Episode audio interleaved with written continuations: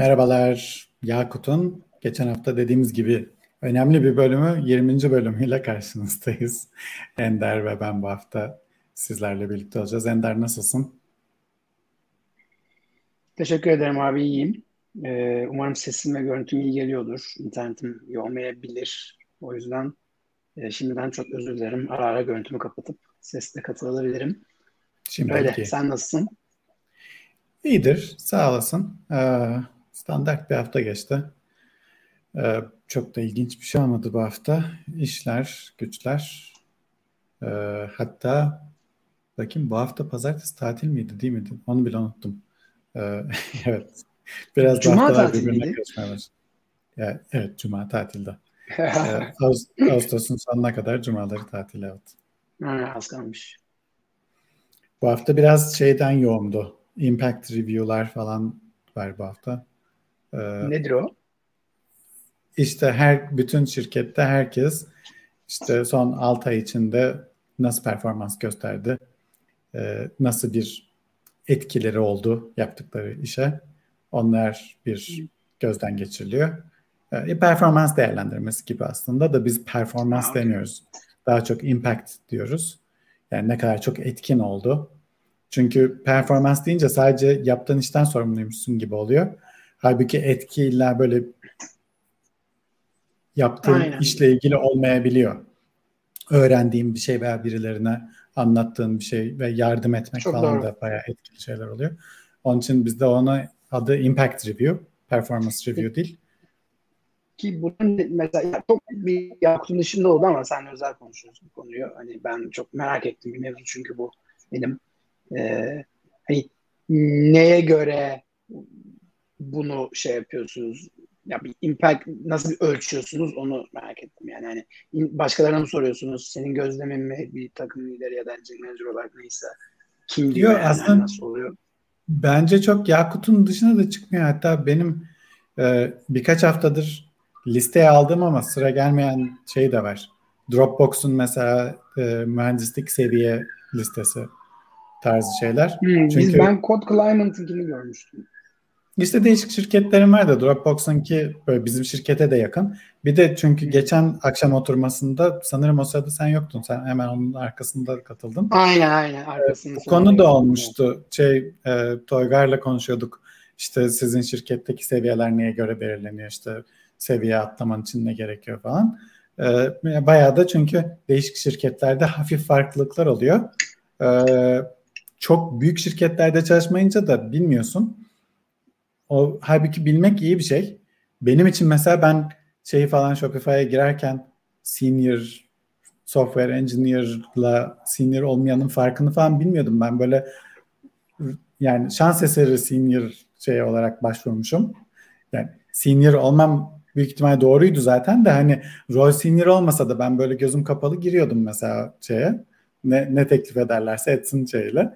Yani o da fena bir şey değil de en azından yani biraz bilmek iyi olurmuş şimdi dönüp bakınca e, hani roller nedir, seviyeler nedir falan. Onun için böyle daha büyük şirketlerde çalışmayı düşünenler varsa onlar açısından da bence faydalı olacaktır seviyeler. Seviyelerdeki ya, şeyler nasıl e, gözden geçirmeler nasıl yapılıyor, performans nasıl belirleniyor, genelde bunun yöntemleri nedir falan onları konuşalım bence bir ara. Çok doğru. Ee, bu ben mesela flat işte hiyerarşi bunları konuşuyoruz ama hiyerarşi olarak değil de birinin yani bu illa title diye title vermek ya da almak konusu değil. Bir şey olmalı. Bir yerde olduğu insan bilmeli ve bir yere gittiğini de bilmeli ve oraya nasıl gittiğini, gidemediğini, ona yardım edilmeli. İşte neyse bunun bir e, dokümantasyonu olmalı. Bunun büyük yani küçük şirketlerde bile olmalı bence. Yani küçükten kazma bir startup, hani üç kişilik startuptan bahsetmiyorum. Yani artık böyle şirket büyüdüyse ve iki takım durumuna geldiyse ve içeride 10 tane yazılımcı varsa bir dakika burada muhtemelen iki tane lead'in olması gerekiyor. Yani 10 kişiye 5-5 diye bölsen çünkü ben inanmıyorum 10 kişinin bir tane bir insana bağlı bir işler yapabilmesi. Gerçekten bu şimdi günümüz dünyasında çok çok zor geliyor bana Hı. en azından görüyorum. Hani kendim de yaptığım için. Ee, şey çok değerli buluyorum o yüzden bu impact denmesi çok hoşuma gidiyor çünkü ben performans bizde performans dönüyor ve ben performans kelimesini çok zor çıkarıyorum ağzımdan. Ne demek performans? Hani puan mı? Belki yani o insanın daily'ye gelip mesela şu an remote çalışıyoruz kamera açması diğerlerini motive etmesi direkt bir impact yani. Çok başka hmm. bir şey. Ve bunu yapıp e, direnmesi öyle mesela tipi kayıkta açabiliyor mesela hani whatever bu performans bir değil baktığında. O yüzden yani hani bayağı değerliymiş ama Yakut'un yeri mi onu bilemedim. Çok genel bir konu çünkü aslında. Ee, şey, ne zaman konular... konuşuyoruz nasıl olur bilmiyorum. Sen de belki özel konuşuyoruz ama.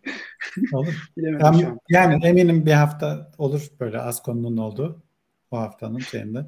E çünkü bu yani Yakut'un konusu değil ama mesela seyircilerden gelen sorular üzerine şey falan da konuşmuştuk işte üniversitede bilgisayar programcılığı okumalı mıyım, okumamalı mıyım, yok işte ne yapmalıyım falan gibi. Hani kariyerle ilgili soru şeyleri de konuşuyoruz programda. O zaman şey yapalım, e, bir e, konsept Yakut bölümü yapalım ilerleyen haftalarda. Olur. Sırf yani buna odaklanalım ve hani o hafta haber konuşmayalım. Bir saat e, bu işte senin anlattığın e, yani Shopify nasıl yapıyor, e, işte Dropbox nasıl yap- yapıyor ya da dünyadaki ya da kötü örneklerini konuşuruz. E, konuşuruz yani. Atar tutarız. haber konuşmayız onu yaparız. E, bugün haber konuşalım ama bence. Evet. E, bu konudan geçmeden yani bu konuyla ilgili e, Mert Mert Bulan bizim Ruby şeyden toplumumuzdan e, o da birkaç ay önce Shopify'a katılmıştı. E, sanırım bir podcast başlatmış. Ben de yeni farkına vardım. E, bu hafta onların podcastine konuk olacağım. Orada da biraz işte takım liderliği ile ilgili konular konuşacağız sanırım. Orada da belki bu tip konulara değiniriz. Onu da sonra şey yayınlanınca paylaşırım zaten. Ayrıca bu konuyla ilgili bir Yakut bölümü de yaparız. Evet. E, neydi ya podcastlerin ismi? Çok kötü unuttum. Şey farklı düşün değil mi? Öyle olduğunu hatırlıyorum ben aslında. Farklı...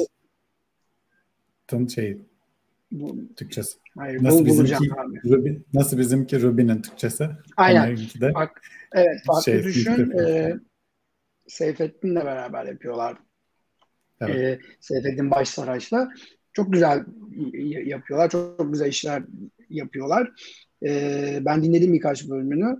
E, bir şeyim, teklifim uzun biraz. E, kısa bilirler hani belki. Ben de aynı hatayı yapıyordum zamanında. Ama onun dışında hani e, gerek ses kalitesi gerek içerikleri zaten ikisi de çok donanımlı insanlar, sevdiğim insanlar. Buradan e, dinlemeyenler varsa tavsiye ederim. Keza Ufuk abi de konuk olacakmış zaten. Evet bakalım o ne zaman yayınlanacak. Onu da paylaşırız. Peki e, o zaman şey bizim konulara geçelim diyeceğim ama aslında ben sana sormadım bu hafta değişik bir şey yaptım nasıl geçti hafta? Ha okey. Yok e, ya ne yazık ki yani haftaya biraz çok kötü başladı bende. Malum işte Türkiye'deki durumlar artık ayyuka çıkınca mental olarak çok yorgunum. Ee, değişik bir şey yapmadım. Çok yoğun takım büyüdü bizim Atlas takımı. Arkadaşlar çok güzel çalışıyorlar. Yeni PM'imiz falan da geldi. Bayağı işte geçti açıkçası. Akşamda dinlendim genelde. Ya da ev işleriyle ilgilendim. Ee, bugün bu, bu, bugün de İstanbul'a geldim. Aslında 10 saat araba kullandıktan sonra bu yayına hani sizleri yalnız bırakmayayım Ufuk abiyle diye. Ee, benim için tek değişik şey bu oldu diyebilirim yani. Bu hafta İstanbul'dayım. Biraz. Sağ olasın. Burada olduğun için teşekkürler. Ee, peki o zaman geçelim konularımıza. Bu hafta benim e, gözüme çarpan şeylerden bir tanesi e, Mats'ın e, daha doğrusu Kristal 1.0 konferansını çok haftalar önce duyurmuştuk. E, ve Mats'ın konuşacağını söylemiştik. Mats bu Kristal konferansında bir opening keynote gibi kısa bir konuşma yaptı. E, o konuşmasında da böyle daha çok e, kendini Ruby'nin e, büyük babası olarak tanıttı. Çünkü pardon Kristal'in büyük babası olarak tanıttı. Çünkü Ruby'nin babası olduğu için Kristal'de Ruby'den esinlenerek oluşturulmuş bir dil olduğu için e, dolaylı olarak Mats e, Kristal'in e, büyük babası oluyor. o şekilde tanıttı ve aslında hani Kristal'i Ruby'ye rakip olarak değil de e, Ruby'de yapmaya çalıştığı şeyin bir uzantısı olarak gördüğünü ve çok mutlu olduğunu e, söyledi. Çünkü işte insanların bu şekilde deneyler yaparak değişik şeyler bulmaya çalışmasını çok takdir ediyormuş. E, onun için böyle deneysel şeyleri e, Ruby'deki bazı şeyleri beğenmeyip bir nevi forkladıkları için aslında mutlu olduğunu düşünüyor. E, mesela işte statik tiplerin olması falan e, Kristal'de var. Böylece aslında Matsa da e, Ruby'ye statik tip eklemekten kurtarmış oluyor. Çünkü statik tip istiyorsanız Kristal'e gidin diyebiliyor.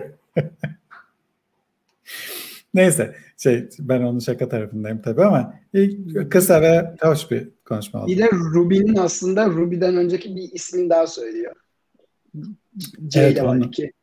Corla, öyle bir şey diyor. Şey, Ruby olmasaydı adı Coral, Coral mu Opal? Coral, Coral, Coral, Coral. Coral. Tamam, tamam evet. Coral. Çünkü Opal dediğini hatırlamıyorum ama yani ha, Coral, ben unutuyorum onu hep Opal gibi. Ha, Coral'dır. Doğru. Şey, e, çünkü orada isim düşünürken Pearl'den esinlenmiş. Pearl'de çünkü bir kelime oyunu var. A'sı yok ama A'sı olsa E'den sonra aslında inci demek ya. İşte o Pearl gibi bir şey olsun. Ne olsun diye işte Coral ve şey. Aslında Coral daha yakın. Çünkü daha doğal bir şey ya. Ee, Pearl'a daha yakın olurmuş. Neyse Coral düşünmüş sonra Ruby yapmış. Ee, ondan bahsediyor doğru. Böyle bir açılış konuşması. Ben Kristal konferansının başka bir konuşmasını dinleyemedim. Ama ilgilisi varsa belki o konuşmalar da yayınlanmıştır. Onlara da bakmalarını tavsiye ederim. Ama tipik bir keynote konuşması yani böyle çok bir içerik falan yoktu şeyin. Yani böyle teknik bir içerik yoktu Mats'ın konuşmasında. Öyle bir şey arıyorsanız bakmayabilirsiniz. Ee, konuşmaları genelde hep başa koyuyorum. Ee, konuşma veya etkinliklerde bunu Ender sen de paylaşmıştın şeyde e, bizim Slack e, Ruby Türkiye Slack'inde. Bu geçen hafta duyurduğumuz Rafael'in bu Open Source Thursdays etkinliğinde konuk olduğu şeyin e, videosu da YouTube'da bulunabilir. Açıkçası ben bu etkinliği izleyemedim başka iş yoğunluklarından dolayı. E, sonra da takip edemedim ama eminim çok e, dolu dolu geçmiştir. E, tekrar geçen hafta da söylediğimiz gibi Rails'e neresinden gireriz, nereden başlarız, nasıl katkıda bulunmaya başlayabiliriz diye merak edenler varsa e, bir buçuk saatlik bir şey zaten bir buçuk saatlerini ayırıp bence bunu kesin dinlesinler. Çünkü eğer ki bilmiyorsanız Rafael Fransa e, Rails'daki en çok komite olan hatta büyük farklı en çok komite olan kişi. E, yani DHA için falan böyle bayağı iki katı falan önde. Bir buçuk iki katı. E, ve çok gerçekten emeği ve vakti geçmiş bir insan. Ayrıca da yani beraber çalıştığım için de çok iyi biliyorum. Gerçekten e, çok bu konuda düşünen, çok tecrübeli e, ve hani çok iyi görüşleri olan birisi. Onun için ondan e, nasıl başlayacağınızı duymak da bence çok faydalı olacaktır. Yani dinlemeden, izlemeden kafadan önerebileceğim şeylerden biri olmuştur eminim konuşmalardan. Sen bakabildin mi Ender yoksa senin de vaktin Yok ben yok benim listemde e, duruyor. Ben de bakamadım aynen ama dediklerine yüzde katılıyorum. Evet. Ee, e, yani bu videolar etkinlikler konusu böyleydi. Ee, buradan bir etkinlik çeşitli... hemen duyuralım. Bizim de çarşamba ha, otur, oturumumuz var ama özel bir şey yok yine e, bir sunum falan. E, bir şey yoksa benim haberim yok. Onun etkinlik sayfasını yaratmış mıydık? Onu da yaratmadık galiba. Biraz şey, Yaratmadık. Yaz... Bu, bugünlerde biraz şey tembellik yapıyoruz. Yaz şeyine geldi. Evet Muhammed evet. dürttü bu sabah ama ya da dün galiba çok şey yapılamadı. Ya biraz daldı ya insanlar abi yani bilmiyorum. Ben onu hissediyorum çok fazla. Evet doğru. O yüzden de etkili olabilir hem yaz hem o aynen. Evet ama her hafta olduğu gibi iki haftada bir bu akşam oturmalarını yapıyoruz. Bir etkinliğimiz veya bir konuşmacımız olmasa da e, yine de orada buluşup e, ülke durumunu konuşmak için de olabilir. Ruby, Rails konuşmak için de olabilir. Bir araya gelmek e, genelde enerji verici bir şey oluyor. Onun için ilgilenen herkesi bekleriz. Ee, o zaman bununla çeşitli Rails konularına geçebiliriz. Ee, ben genelde böyle şey sırası yapıyorum işte böyle etkinlik metkinlik tarzı şeyler. Oradan Rails'da ne yeni geliyor. Sonra Ruby sonra tool'lar falan öyle bir tematik yapıyorum. Kimse fark etti mi bilmiyorum ama öyle tematik yapmak benim hoşuma gidiyor. Bakalım Rails'da neler varmış. Şimdi Active Record Calculations diye bir modül var. Bu modül zaten uzun süredir vardı Rails'da. Bu modül nedir diye sorarsanız Active Record modelleri üzerinde işte averaj alma, hesap yapma, maksimum, minimum veya toplam alma falan gibi operasyonları bu modül yönetiyor aslında. Çünkü niye böyle bir modüle ihtiyaç var? Çünkü bu hesapların e, istemci tarafında yapılmasını istemiyoruz. Yani veri tabanınızda diyelim 500 bin tane kaydınız var. İşte her kaydın bir alanının ortalamasını almak istiyorsunuz. E şimdi 500 bin tane kaydı çekip de o alanlarını alıp 500 binin toplamını alıp sonra 500 bine bölerek ortalama almak istemiyorsunuz. Çünkü bu dünya kadar e, gereksiz işlem yapmak anlamına geliyor. Tercihen bu işlemin sunucu tarafını yani e, database tarafında yapılması yani ortalama işleminin database tarafından alınmasını istiyorsunuz. Onun için de bunun aslında bir SQL e, query'sine çevrilmesi lazım. Yani bir average alan bir sorguya çevrilmesi lazım. Keza aynı şekilde toplamanın da bir e, SQL sorgusuna çevrilmesi lazım. Onun için de Active Record'ın burada özel bir iş yapması lazım. Yani bu işlemi yapmaya çalıştığınızı anlayıp ona göre sorguyu değiştirecek. Toplam alma sorgusu veya ortalama alma sorgusuna değiştirecek. Bunu yapıyordu zaten Rails. Ee, bir tane mesela product şeyiniz varsa, sınıfınız varsa bütün productların e, fiyatlarının ortalamasını almak için product.average deyip price kolonunu söylüyordunuz. Ortalamayı alıyordu işte 17.96. Tipi de bunun big decimal oluyordu. Ama benzer şekilde bu price'ın da bu arada pardon bu price attribute'unun tipi de big decimal. Onun için bu normal yani. Zaten big decimal olan şeylerin, sayıların ortalamasını alınca sonucun big decimal çıkması normal. Ama bir de rating olduğunu düşünelim bütün product'ların. Ee, mesela 1 ile 5 arasında bir rating atadığımızı düşünelim ama o rating de big decimal değil float olsun. Aynı şeyi, aynı ortalama alma şeyini rating üzerinden yaparsanız yine big decimal dönüyordu. Halbuki float olan şeylerin ortalamasını alıyoruz. Değil mi? Normal hesap olarak yapsak sonucunda float olmasını beklerdik. Ee, halbuki Active Record şeyi sorguyu veri tabanında yaptığı için dönen sayıyı da her zaman big decimal'a çevirip sonuç olarak veriyordu. Bu da bazen şaşırtıcı olabiliyordu çünkü bu durumda olduğu gibi yani rating floatsa sonucunda float olmasını beklerdiniz. E, çünkü bazı şeyler fark edebiliyor sonucun ne döndüğüne alakalı olarak. Benzer şekilde mesela bu integer olsa integer 4.3 olmayacaktı, yuvarlanacaktı 4'e. E, o zaman bayağı fark edecekti mesela sonuç. Sonrasındaki şeyde de Rails 7'de yani yeni eklenen bir özellikle bu ortalama e, kolonun tipi ne tipteyse o tipte cast edilerek dönüyor. Onun için Rails 7'deyseniz price'ın average'ını alırsanız big decimal, rating'in average'ını alırsanız da float olarak bir alan dönecek. Tabii şimdi konuşurken fark ettim bu aslında birazcık tehlikeli olabilir. Ratingleri 1, 2, 3, 4, 5 diye integer tutuyorsanız ortalaması da büyük ihtimal integer'a çevrilecek. O zaman 4.3 falan diye bir şey gelmeyecek. 4 gelecek. Ee, o durumlarda tehlikeli olabilir aslında. Aslında ben bunu bir, diyordum. Gidip yazmak ne düşünüyorsun diye yani çünkü her zaman böyle olmayacak.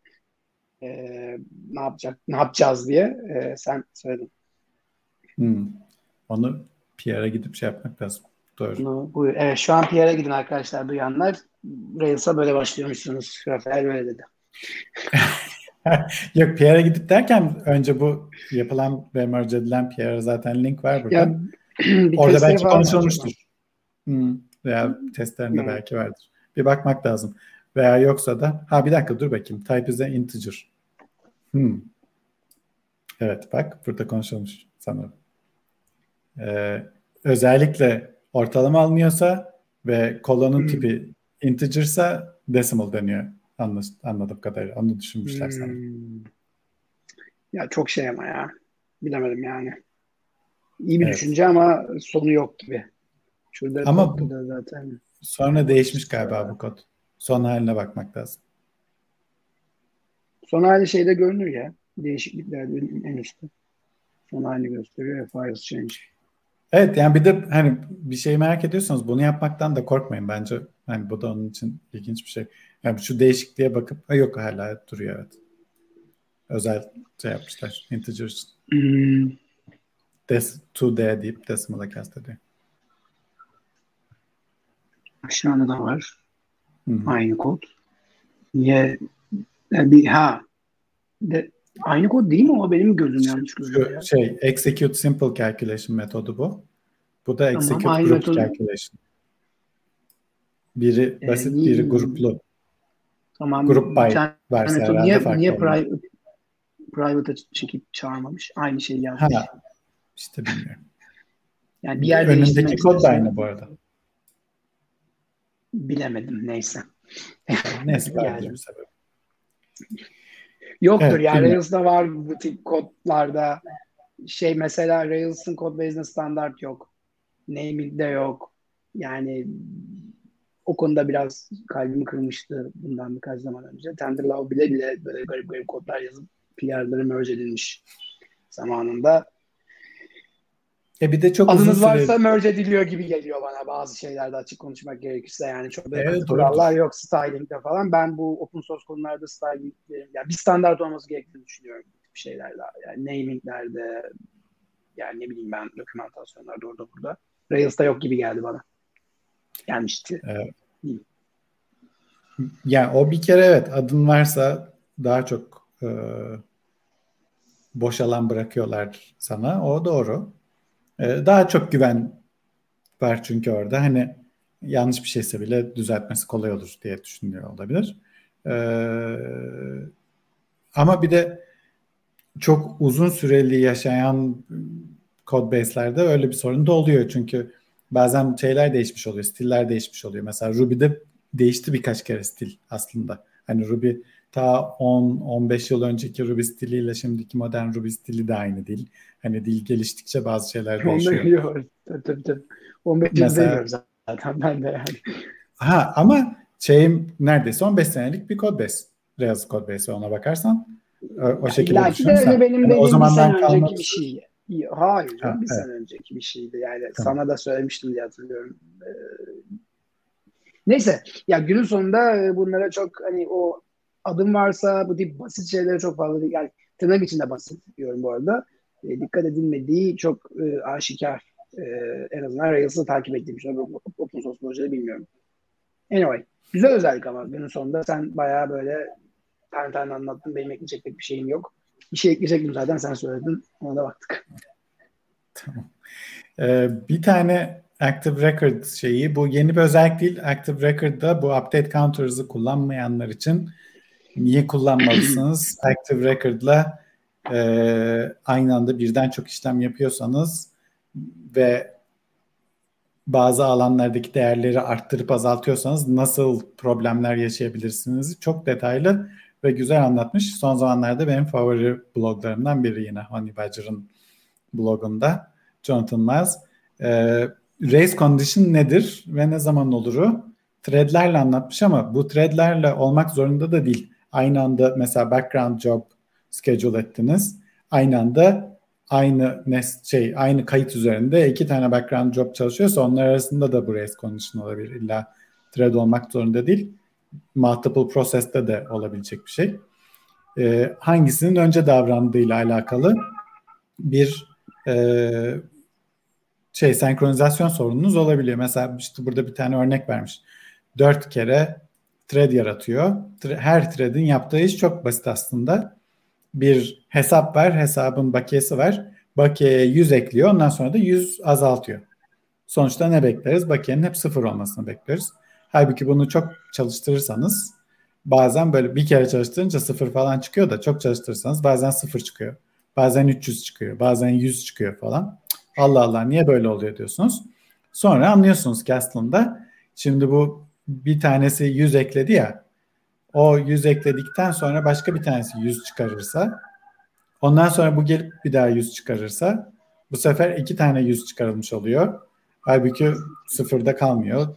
Eksi de kalmış oluyor falan. Bu sırasına göre değişik şeyler olabiliyor. Yani o anki balance neyse gidiyor onun üstüne ekliyor çünkü. Halbuki araya birbirlerinin aralarına girerlerse e, sonuç garip olabiliyor. Onları anlatmış ve işte bu ekleyerek çıkararak güncellemenin ne kadar sorunlu olduğu. Çünkü okuduğunuz şey değeri güncelliyorsunuz. Halbuki o sırada o değişmiş olabilir. üzerine yazmış olursunuz o zaman. Halbuki işte bunu engellemenin değişik yöntemleri var. Mutex şey yapabilirsiniz. Active Record kilitleri kullanabilirsiniz. Ama onlar biraz çok büyük şeyler. Atomik metotlar kullanmak daha doğru. Atomik metot için de update counters kullanmanız daha doğrusu. Update counters deyip balance'ı 100 arttırmak istiyorum derseniz Active Record bunu yine database tarafında yapıyor. Database diyor şu anki değeri neyse onu 100 arttır. O zaman orada race condition olmuyor çünkü o atomik bir şekilde çalışıyor. Bunu detaylı bir şekilde anlatmış bu yazı. Onun için e, tavsiye ederim. Bunlar genelde zor debug etmesi gerek. Zor konular oluyor. Siz de mali şeyler yapıyorsunuz Ender. Karşılaşmışsınız. Evet evet bu aynen bu update e, race condition konusu çok karşılaşıldı. Hatta bir ara şirkette Furkan şu an şirkette değil, paraşütte değil. E, o anlatmıştı. Log kullanılıyor genelde yani ben log gördüm. Kendim açıkçası kullanmadım yani e, gördüğümü söylüyorum. E, log kullanılıyor diye biliyorum ama e, son zamanlarda belki değiştirmişlerdir. E, bizim tarafta şu an bir şey yok. Aynen bu balans olayı tam bu örnek tam paraşütün şey zaten o balans muhabbeti paraşütün şeyi en dibi en tabandaki iş. Ee, orada bayağı dikkat ediliyor. Uğraşılmıştı ama loku kullanıldığını hatırlıyorum. Ee, belki de değişmiştir. Şimdi Update Counters diye aradım. Projede bulamadım. Update Counters değil galiba. Evet tabii o biraz yaptığınız işin ne olduğuna bağlı ama e, ya genelde bu tip şeylerdeki sorun bir değeri okuyup sonra değeri güncelleyip geri yazma da oluyor. Okumayla güncellemeyle tekrar geri yazma arasında başka birisi o değeri değiştirdiyse bu sefer yazdığınız değer onun üzerine yazmış oluyor. Halbuki o değişen değere göre de güncellenmemiş olmaz lazım. Onun için bunların böyle birbirine arasında güncelleme yapmıyor olması lazım. Onu da ya lock'la koruyacaksınız şeyi veyahut da veri tabanına diyeceksin ki yani bunu atomik olarak o değeri arttır. O zaman zaten araya bir şey giremiyor yani o veri tabanı arttırdığı için değer neyse onu arttırıyor zaten. Veri tabanı o garantiyi veriyor. Tek query'de yapabiliyorsanız tek query'de yapmak her zaman daha şey loglara girmeden. Ee, update counters'da onu tek query'de yapma şeyi ama başka yöntemleri de vardır eminim. Şeyimiz bu. Ee, deprecation'larla ilgili bir yazı var. Bir Rails uygulamasında çalışıyorsanız kodları nasıl deprecate edersiniz? Hiç oldu mu sizde deprecate ettiğiniz kodlar Ender? Ee, yani şey bu şey değil mi? Bizim yani code base'in kendi deprecate artık yani bu metodu code kullanmıyoruz. Evet. Yani bunu ya benim hatırladığım olmadı. Şimdi yalan söylemeyeyim ama e, oldurtabilmek iyi olur diye düşündüm şimdi en azından. Atlas Çünkü şey oluyor. Bilemem de. Ya mesela kendi iç şeyinizde kullandığınız gemler falan varsa o gemler de zaten active support. Aynen. Hatta bu Rails application olmak zorunda değil. Active support'a depend eden herhangi bir uygu, uygulama veya gemde kullanabilirsiniz. Çünkü bu bir active support özelliği, Rails özelliği değil. Onu çoğunlukla karışıyor onun için söylemek istiyorum. Evet. Yani active support kendi başına kullanılabilir bir şey. Rails kullanmak zorunda değilsiniz. Onu tekrar hatırlatayım. Bir de bizim gibi e, bir API'nin olduğu ve yani o API'yi de iç müşterinin de kullandığı yani iç derken biz diğer takımların oralarda kullanılabilir gibi geldi bana şimdi. Hani e, bu metot uçacak yakında. Haberiniz olsun evet. gibisinden şeyler yapılabilir. Kullanması da çok Slack'a yazıyorsunuz e, sorun çözülüyor zaten. Aslında o da var. Yani tabii evet şirket ölçeğine bağlı. Bizde böyle bir sürü insan o mesajları görmüyorlar, şey olmuyor falan böyle şeyler olmazsa herkes böyle ayrı yerlerde takılıyor. Ee, kullanılması da çok basit. Active Support Application diye bir sınıf var. O sınıfın bazı metotları var. Metotlarından bir tanesi de warn.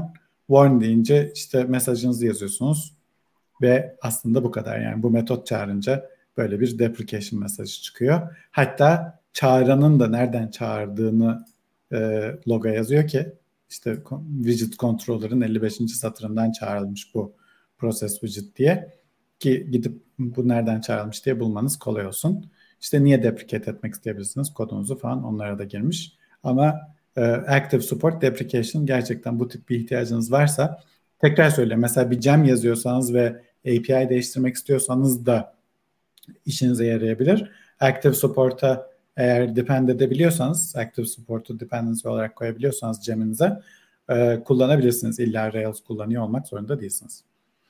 E, bunu da paylaşmış olalım. Rails'la ilgili olan şeyler zaten az çok bu kadardı. Geçelim Ruby konularına. Ruby 3.1 de ne geliyor? Integer için try convert metodu geliyormuş. Şimdi bu Ruby'de tiplerin birbirlerine olan conversion'ları çok eğlenceli bir konu aslında. Bir sürü implicit conversion, explicit conversion şeyler var. Ben de yakın zamana kadar aslında çok hakim değildim bu konulara. Mesela to a diye bir şey var, metot var. Array'e döndürüyor. Eminim çok kullandığımız şeylerden bir tanesi. Bir tane de to array diye bir metot var. Bunu daha az insan biliyor. Mesela to h diye bir conversion metodu var. Bunu herkes kullanıyor. Ama bir de to hash diye bir şey var. To s diye bir şey var. Bir de to str diye bir şey var. Bunların farklarının ne olduğunu falan böyle çok belli değil aslında. Ee, to a, to h, to s kullanıcıların explicit olarak ben bunu bir şeyden işte array'e çevirmek istiyorum veya bunu array'den hash'e çevirmek istiyorum diye çağırmaları gereken metotlar. Normalde to array, to hash, to string'i çağırmak zorunda değilsiniz. Hatta çağırmamanız daha iyi. Bunlar eğer tanımlanmışsa Ruby kendi içinde bu metotları çağırıyor. Ee, ilginç bir örnek vereyim mesela. Elinizde e, Active Record modellerinden array'ler olsa bir sürü böyle array olsa o array'lerin içinde de Active Record modelleri var. Bu array listesine flatten derseniz daha doğrusu relation'lar olsa, relation'ların array'i olsa elinizde buna flatten derseniz aslında flatten edecek ne olduğunu bilmiyor Ruby. Çünkü en dışarıda bir tane array var ama o array'in içindeki şeyler relation. Ve o relation'lar da birer array değil. Ama array gibi davranıyorlar. Her relation'ın içinde aslında bir sürü şey var. Model var. Onun yöntemi meğersem Ruby kendi içinde to array'i çağırıyormuş. Onu da ben yakın zamana kadar bilmiyordum. Flatten etmeye çalıştığınız zaman eğer içteki nesneler array değilse to array'i çağırıp acaba bu array'e dönüştürülebiliyor mu diye bakıyormuş. Dönüştürülebiliyorsa da array olarak şey yapıp flatten ediyormuş. O şekilde flatten çalışıyormuş şeyde active e, record relation'ların array'inde. Bu implicit conversion'lar yani Ruby'nin kendi içeride çağırdığı metotlar. Sınıflar bunları implement ettiyse içeride çağrılıyorlar. E, integer içinde to'i var. Bir de toint var. Yine içeriden çağrılan. Ama bu conversion işte hata olursa şey veriyor. E, exception throw ediyor şeyde Ruby 3.1'de try convert diye bir şey eklenmiş. Orada da işte 42 integer'a çevirmeye çalışırsanız 42 dönüyor. Ee, ama string 42'yi integer'a çevirmeye çalışırsanız nil dönüyor. Çünkü convert edilebilecek bir değer değil.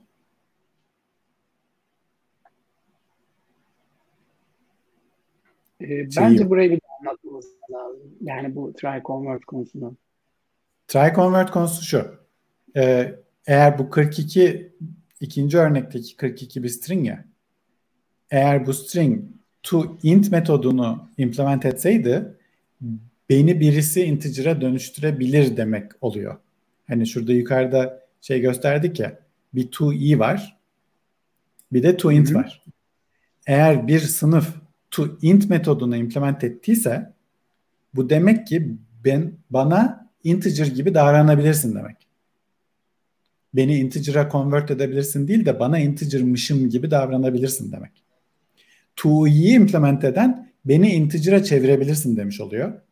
To int'i implement eden bana integer'mışım gibi davranabilirsin. Integer'mışım gibi davranmak istiyorsan benim toInt metodumu çağır demiş oluyor. Şimdi stringler to'yi implement ediyorlar ama toInt'i implement etmiyorlar. Çünkü her string integer'mış gibi davranmak zorunda değil. Hello world diye bir string olursa ona integer gibi davranamayız. Şu örnekte bu stringin içinde 42 var ama bu integer'mış gibi davranabileceğimiz bir değer değil. e, to i çağırarak integer'a çevirebileceğimiz bir değer. Ama integer'mış gibi davranabileceğimiz bir değer olmadığı için integer'a try convert dersek bakıyor toInt metodu yok. Onun için bu integer'mış gibi, gibi davranabileceğim bir şey değil deyip nil döndürüyor. Hmm. Yani integer'mış gibi davranabileceğim bir şeyse bunu lütfen bana integer olarak döndür. Yok her zaman integer olması mümkün olmayan bir şeyse de bana nil döndür. E, veyahut da şey type error e, throw it falan gibi şey. Burada değişik örnekleri de var. E, belki ender kullanacağınız bir şey. E, ama yine de şeyiniz alet kutunuzda olması gereken metotlardan biri olabilir. Ruby 3.1'den sonra e, bazı durumlarda kullanması daha uygun olabilir. Biraz evet uç, uzakta yani uzaktayken uçlarda bir e, kullanım. Bir de yani 3'te Ruby'nin, yani 3, 3 1'de hatta. 3 1'de doğru. Ruby'nin böyle ezoterik şeyleri var. Ezoterik Ruby demişken e, MemoWise ile ilgili birkaç konuştuk zaten.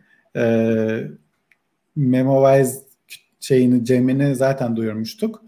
Ama o Cem'in içinde böyle çok dinamik şeyler yapılıyor. Ve onunla ilgili işte Cema ile Jacob da bayağı paylaşımlarda bulunmaya başladılar. Onlar da e, MemoWise gibi bir kütüphaneyi yazmak zor.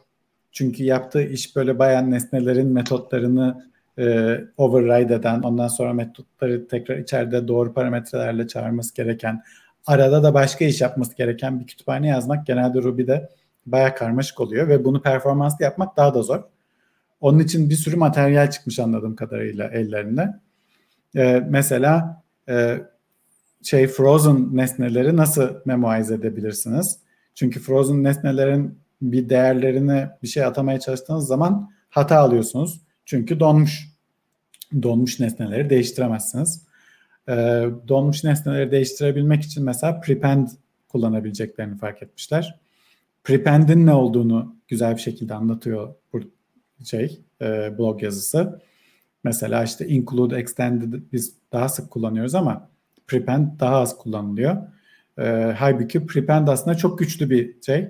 Özellikle monkey patching tarzı şeyler yapıyorsanız bu MemoWise'in yaptığı gibi prepend kullanarak monkey patch yapmak en temiz yöntem oluyor.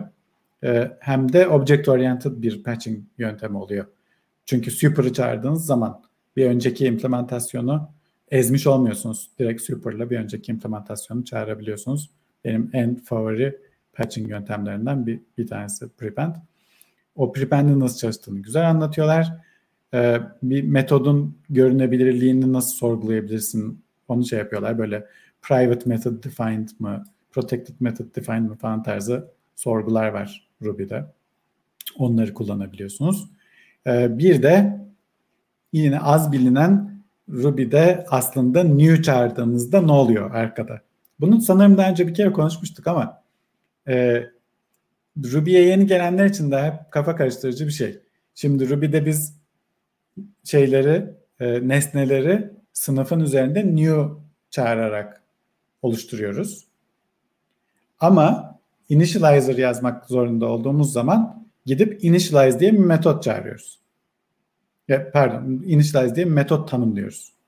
E şimdi ama biz new çağırıyorduk. Niye initialize şey yapıyoruz? Sanki new diye bir metot çağır, şey tanımlamamız gerekiyormuş gibi geliyor değil mi? Başka dillerde genelde öyle çalışıyor. E, Ruby'de tam böyle çalışmıyor. Çünkü e, nesnenin hafızasını allocate etmekle o hafızadaki değerleri initialize etmek aslında iki ayrı adım. New dediğimizde yeni nesne oluşturmak için önce o nesnenin hafızası allocate ediliyor. Yani o hafıza alanı ayrılıyor, allocate ediliyor. Karşılığı ayrılma herhalde. Yani bütün bu instance variable'ların falan yerleri şey yapılıyor. Daha sonra bu ayrılmış hafızadaki nesnenin üzerine diyor, deniyor ki bu initialize metodu çağrılıyor ve deniyor ki işte bu alanların değerlerini e, sıfırla. İşte sıfır olacaksa sıfır, başka değer olacaksa o olacak. Onun için Neon tam karşılığı aslında şuna benzer bir metot. Önce allocate çağrılıyor. Allocate'den dönen instance üzerinde de initialize metodu çağrılıyor. onun sonucu new'la dönüyor. Fakat her zaman bunu yapmak istemeyebilirsiniz. Mesela serialization, deserialization gibi bir şey varsa e, o zaman initialize yapmaya gerek yok. Çünkü deserialize ediyorsunuz mesela bir string'den, JSON'dan deserialize, deserialize edeceksiniz nesneleri. E, zaten nesnenin hafızasını yükledikten sonra alan JSON'daki değerler neyse onları yazacaksınız. Tekrar bir de varsayılan değerlere initialize etmek zorunda değilsiniz. Onun için initialize hiç çağırmadığınız durumlar olabilir. Sırf allocate şey yaptınız. Keza Rails Active Record tam da bunu yapıyor. Ee, serialize, deserialize ettiği zaman sadece allocate'i çağırıyor. Initialize'ı çağırmıyor. Sonra alanları güncelliyor. O olduğu için de bu MemoWise'da bir sorun olmuş. Çünkü hep initialize çağrılacağını varsaymışlar. Ee, onu anlayana kadar da bunları keşfetmişler. O da Ruby'nin ezoterik, ilginç kenarlarından bir tanesi.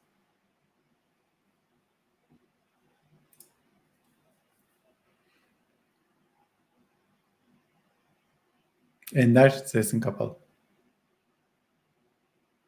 Bu initialize private bir metot oluyor değil mi bir de? Evet. Bir de üstüne var. Ona girmemiştim. Evet. Biz initialize'ı public de private de tanımlasanız aslında Ruby onu her zaman private yapıyor ki dışarıdan çağrılamasın. Yani aslında şey yani bu şekilde yani. de çalışmayacak. Hı-hı. Şimdi öyle hatırlıyordum. Bir denedim hemen küçük konsolda. Doğru hatırlıyormuşum. Biraz şey sen anlatınca kafam karıştı gibi oldu ama sonra geri geldim. Ee, şey ne diyeceğimi unuttum.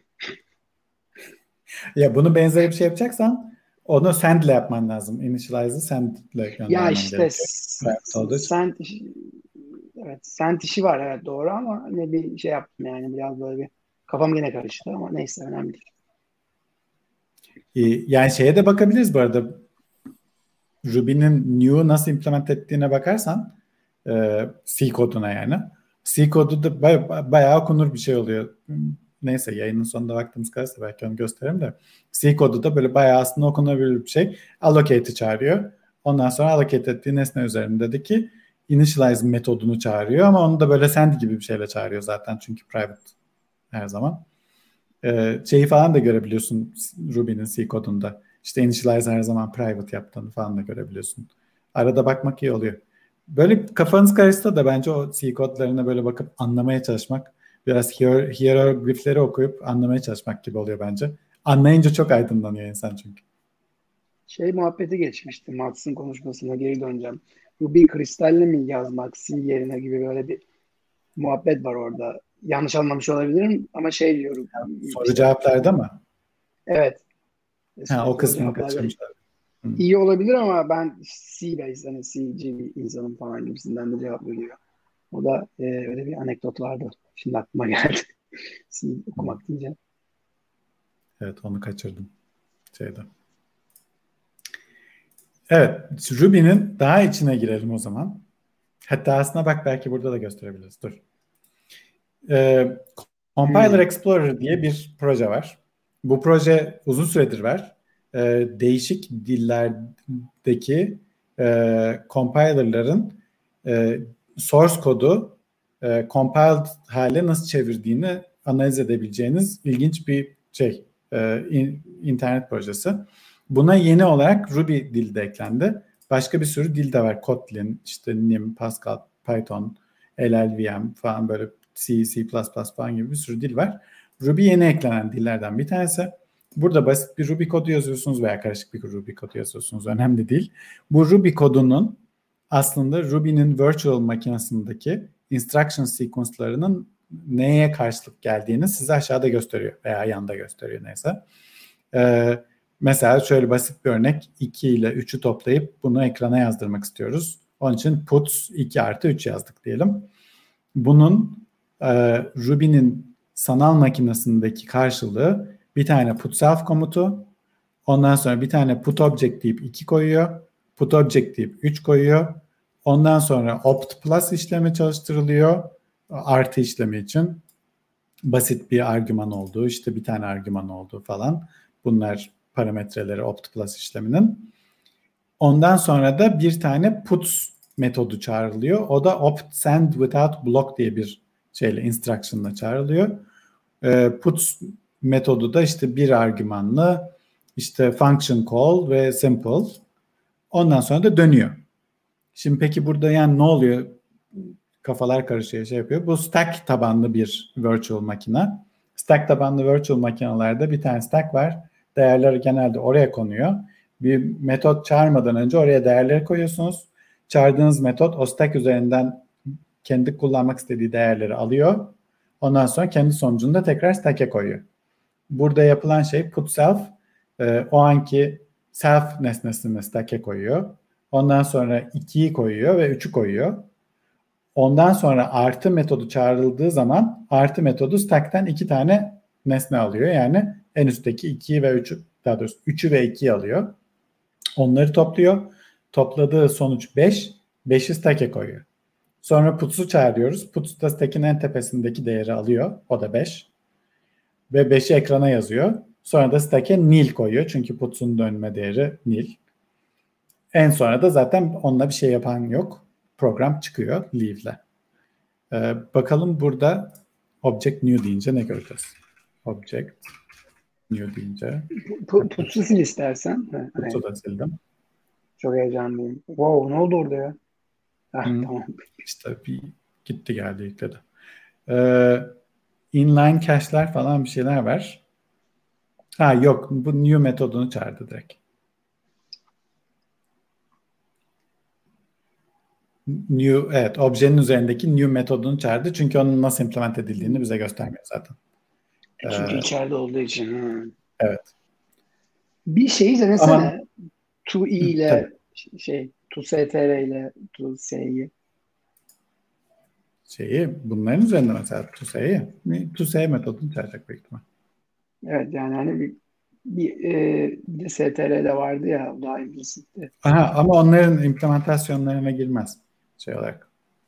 Hmm, Direkt onları okay. çağırdık. İmplementasyonları yok çünkü bu virtual makinenin kendi instruction'ları. O şey o işte stack'e neyi koyuyor onu farklı bir şey koyacak mı anlamak istedim ama. Ha stack'e ne koyduğunu burada göremeyiz. Aslında bunu çalıştırarak e, şey yapıyor step step şey yapabiliyor olabilirsiniz de o kadar iyi bilmiyorum bu aracı.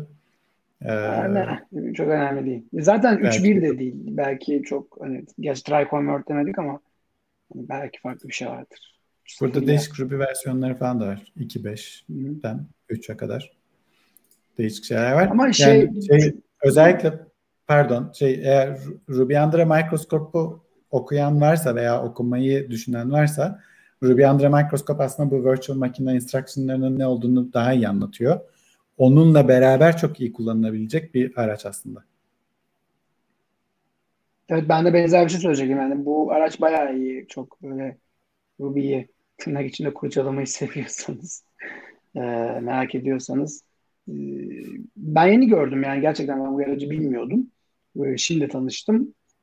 E, ve bayağı da bir şey senden yayından önce de konuştuk. E, bayağı böyle bir ha moment oldu yani. Böyle. İyi Bu arada bir şey daha söyleyebilirim bunun üzerine.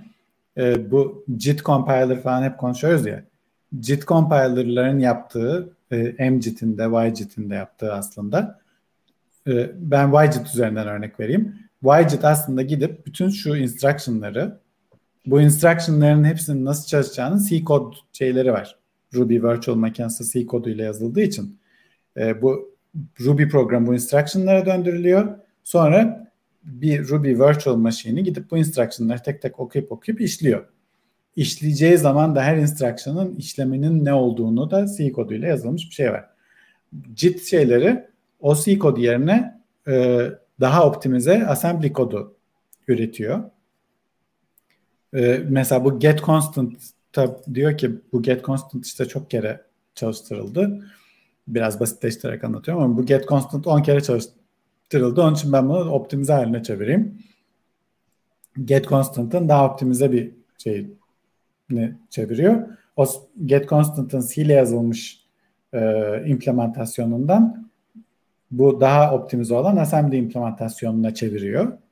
Virtual Machine'i o sırada yani değiştirerek daha optimize şey yapıyor. MJIT de benzer bir şekilde metot metot alıyor. O C implementasyonlarını da alıyor. Gidiyor GCC'ye veriyor. GCC arkada onu compile edip optimize bir makine koduna çeviriyor. Sonra o kodu yüklüyor tekrar sizin Ruby prosesinizin üzerine. Sonra Ruby'ye diyor ki onu değil bunu çalıştır. Bu daha optimize kod. Ruby onu çalıştırmaya başlıyor falan. Yani çoğu şey bu instruction'lar üzerinden dönüyor. Yani bu detaylarda kaybolmak değil veya kaybetmek değil sericileri hedef amacım. Bu instruction'ları iyi anlarsanız aslında başka optimizasyonların da nasıl çalıştığını daha iyi anlayabilirsiniz diye bu o açıdan da yararlı. Biraz hızlanalım mı zaman daha iyi kullanabilmek için abi? Evet tamam zaten birkaç tane aracımız var. Ee, ondan sonra da zaten program bitirebiliriz. Bunu sanırım daha önce Ruby Türkiye şeyinde konuşmuştuk. Ee, Slack'inde konuşmuştuk. 6 tane yazılımcılar için çok performans arttırıcı command line tool. Ee, gibi. Evet. Gibi evet. Bir tane Brut. Brut'u ben hiç kullanmadım ama sanırım Tree diye bir komut var. Tree'nin benzeri bir şeymiş. Ve daha iyisi olabilir sanırım. Ve renkli gösteriyor falan galiba. Bir de sanırım pagination desteği var. Ee, Funky diye bir şey varmış. Ha bir dakika bu benim Bunu kullanmak için bir şey mi yüklemek lazım? Yüklemek evet. Bunlar hep başka programlar. Onları install etmek lazım. Ha okey. Ee, üstüne yani. Funky ne yapıyormuş? Funky'yi de hiç kullanmadım. Ha, Funky bir klasöre girdiğiniz zaman .funky klasöründeki bash fonksiyonlarını çalıştırıyormuş. O zaman da böyle işte bir klasöre girdiğinde bir şeyler yapılmasını sağlayabiliyorsun. Mesela environment variable'lar şey olsun, linter çalışsın falan gibi. Benim kullandıklarından bir tanesi bu FSF, Fuzzy Finder. Evet, Fuzzy Finder'ı kullanmıyorsanız çok tavsiye ederim. Çok başarılı bir şey. Ee, komut satırındaki e, history'yi search etmek için veya başka klasörleri search etmek için falan çok başarılı çalışan bir Finder komutu. Ee, vardır. O evet Brew'da var. Şurada nasıl install ettiklerinin şeyleri de var. Altta her birinin altında yazıyor. Ee, güzel bir videosu da var Fuzzy Finder'ı nasıl kullanırsınız hatta Vim'le nasıl entegre edersiniz falan diye. Onu e, tavsiye ederim. MacFly'ı da ben kullanmıyorum. Ama bu neymiş? Ha bu path'teki kullanılabilir commandleri gösteriyor sanırım. Daha önceden type ettiğiniz commandleri çok sık çalıştırdığınız commandleri gösteriyor. Bir de daha iyi bir cd komutu varmış sanırım. Ee, bunun bir sürü var aslında. Auto jump var, Z var, fast falan bir şeyler var. Ee, burada gösterdiği neymiş? Z-Oxide. Z-Oxide. Evet. Rust'ta yazılmış bir Z klonu. Z diye bir şey vardı. Ee, o da böyle işte şey Z deyip bar derseniz işte daha önce e, girdiğiniz bar'a match eden bir klasörü bulup hemen ona CD yapıyor falan. Böyle hızlı zıplamak için. Çünkü hmm. genelde çoğunlukla hayatımız zaten 5-6 klasör içinde geçiyor. Onun için yani onlar arasında geçmek için sürekli bu path'leri falan şey yapmak çok Ben de onları el aliaslıyorum zaten. O, işte bu otomatik öğreniyor bir de arkada. e, sık kullandıklarını onun için hızlı geçiş için güzel oluyor ama sanırım el liste tamamlayabiliyorsun. E, bu benim hatırladığım makale değil. Daha yeni makaleymiş. E, git update diye bir komut varmış. E, bu da ne yapıyor? Senin dosyalarını komit ediyor. Ondan sonra da dosyalara bakarak anlamlı bir komit mesajı da mı şey yapıyor? Neyse benim kullanacağım bir şey değilmiş zaten. Ben o konuda şeyim biraz. Ve birkaç tane de başka araca da link koymuş. Burada Pendoc'u ve Metin Proxy'yi şiddetle tavsiye ederim. Ee, eğer command line'ınızı zenginleştirmek istiyorsanız bu tip araçlar arıyorduysanız bunlara bakın derim. HZY'yi fiziği tavsiye etmiyor musun? Unuttum Onu, onu şiddetle tavsiye ediyorum zaten. ha, tavsiye değil. Şiddetle evet. tavsiye. O şiddetle Döverek tavsiye. böyle kullan kullan kullan diye kafasına vuruyor. şiddetle. Hep aklıma o geliyor. Şiddetle tavsiye dediği zaman biri sanki beni böyle Döverek evet, kullandır. Kullanmazsan döveriz anlamında. Evet, evet şiddetle. Çok bir fayda atıyorlarmış abi kullanmayınca. Command line demişken from, from nasıl okunuyorsa böyle yine yeni bir araç var. Her son zamanlarda moda olduğu üzere bu da yine Rust'la yazılmış bir e, Ruby versiyon yöneticisi. E, normal daha önce konuşup duruyoruz zaten. Change Ruby var, RVM var, RBN var. O aileye yeni bir e, üye geliyor galiba. E, aslında yaptığı şeyler çok benzer. E, Ruby kuruyor e, ve Ruby'ler arasında değişiklik yapmaya e, yarıyor. Ruby build kullanmadan Ruby kurma özelliği var ve daha hızlı kurduğunu iddia ediyor. E, blazing fast falan demiş böyle bir şeyler falan var da sayılara bakınca yani böyle ne kadar 7 saniye falan mı şey yapıyor? 7 saniye bir performans şey var. 230 küsur 240 saniyede 7 saniye. Ne kadar büyük fark bilmiyorum ama önemliyse 7 saniyeniz buna bir bakın istiyorsanız. Bir de işte .ruby versiyonları falan tarzı şeylere desteği vermiş. Bu tip araçlarda olması gerektiği gibi. Ee, Homebrew'da da vermiş. Homebrew'dan brew install from diye kurabilirsiniz eğer Mac'teyseniz. Shell setup'ının falan nasıl olması gerektiği de burada yazıyor. Son olarak da araçlarda Babosa diye bir kütüphane. Ee, bu kütüphane yeni ortaya çıktı ama aslında bakınca lisansı falan 11 yıl öncesine dayanıyor. Sanki de epey de eski bir kütüphane. Türkçe'de destekleyen bir slug üreticisi. Ee, Friendly ID'den extract edilmiş. Friendly ID Ruby camiasında Rails kodu yazmış. Ee, neredeyse herkes bir kere tecrübe etmiştir diye düşünüyorum. Friendly ID e, URL'lerinizde işte post slash 124 değil de işte post slash e, bu daha güzel bir post ismi falan gibi URL'leriniz olmasını e, yarayan URL'ler üretmenizi sağlayan bir cemdi. E, bu sayısal şey yerine, isim yerine slug yani insanlar tarafından okunabilir bir isim üretme tarafı Friendly ID'nin özelliklerinden biriydi. Onu dışarı çıkarmışlar. Başka özellikler için de kullanabiliyorsunuz diye anladım. Tabi oradaki sorunlardan bir tanesi yani bir mesela postun ismini e, URL'e girecek bir şeye çevirmeniz lazım. Ama postların isimlerinde noktalama işaretleri olabilir, Türkçe karakterler olabilir. Onlar URL'de geçerli karakterler değil. Burada ilk örnekte Türkçe bu arada çok ilginç. E, Gölcük, Turkey diye bir şey varsa bunu slug'a çevirip sonra transliterate ederseniz işte Ö'yü O yapıyor, Ü'yü U yapıyor falan. E, böylece garip garip gözükür karakterler olmuyor. Çünkü çoğu bu çevirme şeylerinde ya Türkçe karakterleri düşürüyorlar veyahut da işte Ö'yü O, E'ye falan çeviriyorlar. Böyle garip garip şeyler yapıyorlar. Bu daha mantıklı bir çevirme şey olmuş. Babosa'yı kendi başına kullanabiliyorsunuz diye anladım. Hatta Rails falan ihtiyacı da yok diye anlıyorum. E, friendly ID ile nasıl kullanırsınız, Ruby metot ismi nasıl üretebilirsiniz falan tarzı bir sürü değişik şeyler yapıyor. Bunu da Muhammed paylaşmıştı bizimle yanlış hatırlamıyorsam. Benim konularım bunlar. Bu hafta konuşmak istediğim şeyler bunlardı.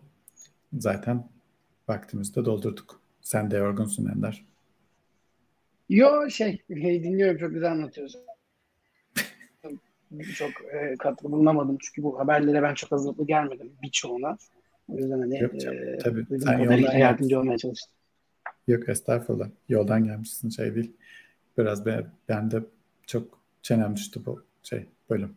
Ya güzel bir şey sıkıntı yok abi. Ee, iyi. Tam bir saatte bitirdik. Güzel oldu. Evet değil mi? Uzun süredir hep böyle bir saati beş dakika falan geçiyorduk. Bu sefer tam bir saatte bitiriyoruz galiba.